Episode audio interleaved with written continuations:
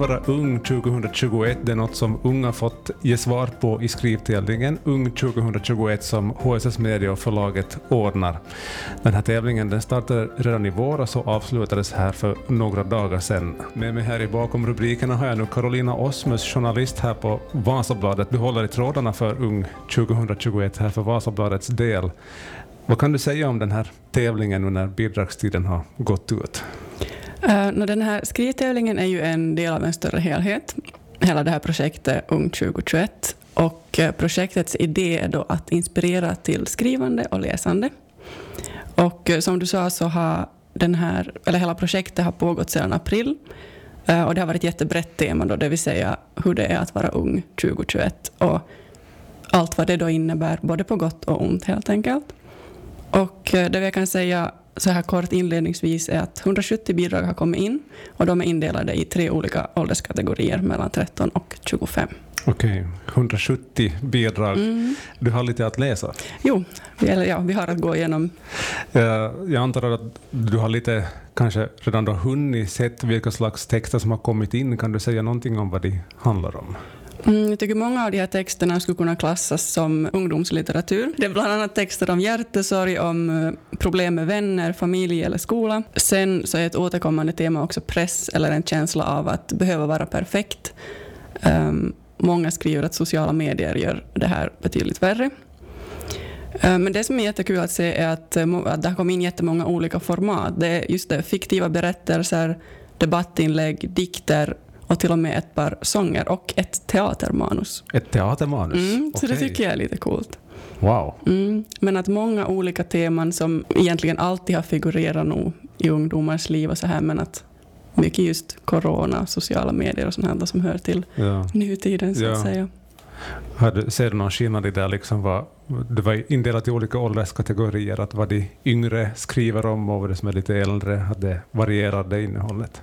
Till exempel när de som är yngre, 13 till 16, så där kan det handla just om att man kanske inte hör till det coola gänget i skolan, ja. eller vissa har börjat dricka alkohol, men man själv vill inte riktigt göra det. Och såna här grejer. Um, men sen i alla ålderskategorier har just olika former av hjärtesorg kommit in. Det är nog någonting som hänger med oss hela livet tror jag. Mm, mm. Och sen den här prestationsångesten tycker jag nog verkar finnas också i alla åldrar. Okay. Men sen så finns det också glada bidrag i alla åldrar. Så det, det är lite olika. Mm. Bland de äldre så ser man ju då förstås teman som att börja studera och vad allt det innebär. Liksom. Mm alla åldrar har sina olika mm, saker man funderar på. Ehm, jag läste någonstans att de här texterna ska bli någon slags tidsdokument över de här märkliga tiderna som vi har levt i i början av 2020-talet. Kan man säga någonting om hur, hur eh, ungdomar som har skickat in bidrag, hur de upplever det här? No, alltså det syns ju helt klart att pandemin har satt sina spår. Ja. Det kommer man inte ifrån på något sätt. Uh, många har den här känslan av att ungdomen rinner ut i sanden, eller att man missar såna viktiga, roliga milstolpar. Um, och sånt. Så ja, corona syns verkligen och det är kanske inte så förvånande. Uh, men så är det också frågor om identitet, psykisk ohälsa och just prestationskrav som jag nämnde, en känsla av att inte passa in och så vidare. Um, men som sagt, överlag så finns det också många glada texter, så allt är inte bara dåligt. Nej, precis. Mm. Nej, det är viktigt att komma ihåg. Jo. Det finns också den sidan av det, även om det på något vis ändå återspeglar det som vi har läst ganska mycket om, hur mm. den här pandemin ett och ett halvt året hittills har påverkat ja. unga. För det är ju nog helt klart någonting att speciellt, egentligen i alla de här åldrarna, eh, så man måste vara hemma från skolan och man har inte fått träffa vänner. Och vissa kanske tycker att det är jättejobbigt att vara hemma av olika orsaker. Eller sen om du har flyttat till en ny stad och ska börja studera så sitter du framför en skärm i ett och ett halvt år då man egentligen ska gå på gulisintagningar och sånt här. Mm, precis. Så mycket sånt. Eller de som har tagit studenten på virtuellt så att säga. Ja, precis. Mm. Vad, vad säger det vad säger det oss, vad säger det dig att så många unga har delat med sig av sina upplevelser om de här första åren av 2020-talet, ändå 170 bidrag? Ja, det, det, jag tycker det helt klart finns ett tydligt behov av att skriva av sig, att prata av sig eller bolla, fundera. Mm. Och just när man skriver så bollar man ju egentligen med sig själv eh, och sina egna tankar. Och jag personligen brukar därför alltid uppmana att skriva dagbok. Mm. För oavsett om man skriver en text som någon ska läsa eller inte läsa så är det ju ett sätt att lite gå igenom sina egna tankar och bara få ut den på papper och det är jätteterapeutiskt. Mm. Um, så det, ja, men jag tycker att, att det säger nog definitivt att det finns en, ett behov av att berätta också. Ja, Av att berätta. precis. Det blir väldigt, alltså det där, nu har jag inte själv skrivit dagbok, kanske jag borde göra det, du rekommenderar Ja, det. det tycker jag. Men det är i alla fall så där att man konkretiserar ju tankar som man har. Det är det Mm. som är den stora fördelen med att kunna skriva, att uttrycka det som man funderar på. Ja, exakt. Och just att ibland när man går tillbaka och läser det så är man så ja just det, att kände jag sådär faktiskt. Ja.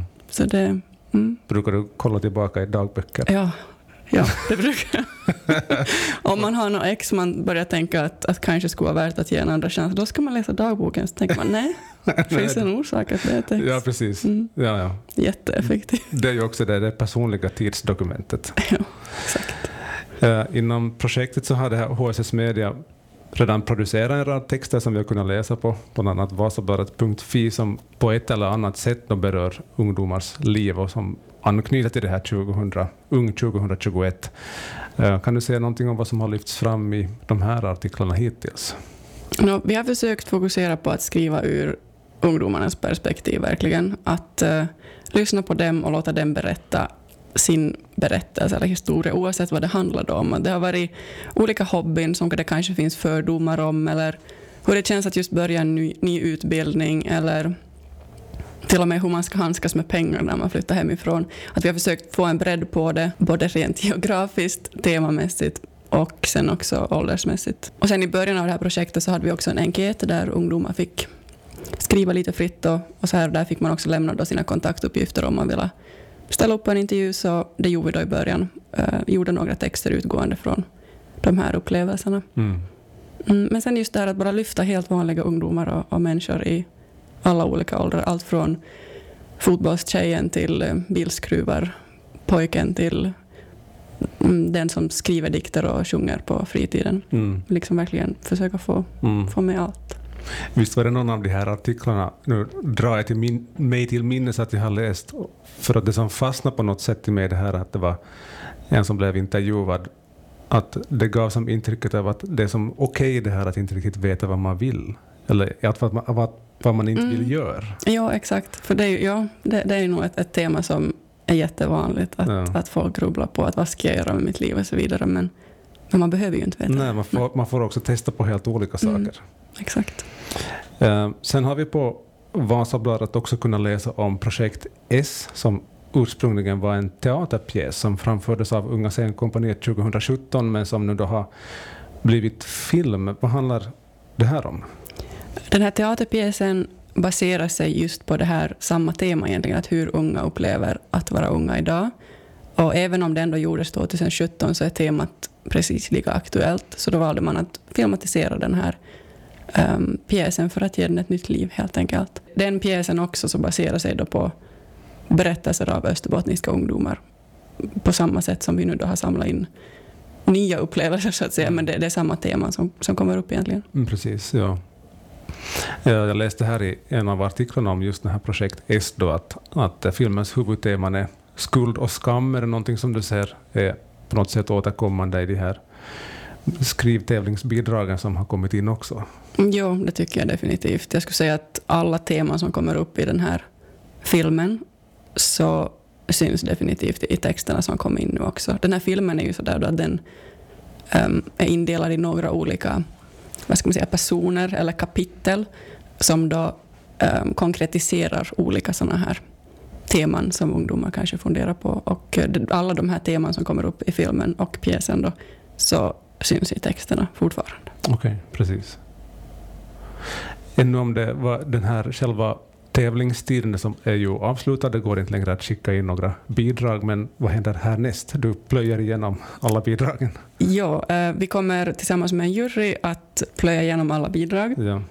och eh, sen utses en vinnare i varje kategori och sen så kommer det också att lottas ut en vinnare bland alla deltagare. Okej. Eh, Så det blir då alltså fyra vinnare i princip. Ehm, och vad sen? Sen ska vi göra lite intervjuer med vinnarna och eh, Ja, just det. Och så blir det det här tidsdokumentet. Vi vet inte ännu... Det är inte ännu bestämt i vilket format tidsdokumentet kommer att publiceras, men vi vill på något sätt ta tillvara de här texterna Mm. eh, och eh, sammanställa dem, då, just det som det um, ett slags jättestort dagboksinlägg från ja. den här konstiga tiden. Ja. Intressant det blir att hålla upp ögonen förstås på HSS Medias nyhetssajter för mer kring den här skrivtävlingen och de vinnarna som ska utses här småningom. Den här filmen som vi pratar om här, Projekt S, premiär för den filmen, så blir det nu på fredag faktiskt och den filmen hittar man på HSS Medias samtliga nyhetssajter på fredag då, eller hur? Ja, stämmer. Tusen tack Carolina för det här. Tack.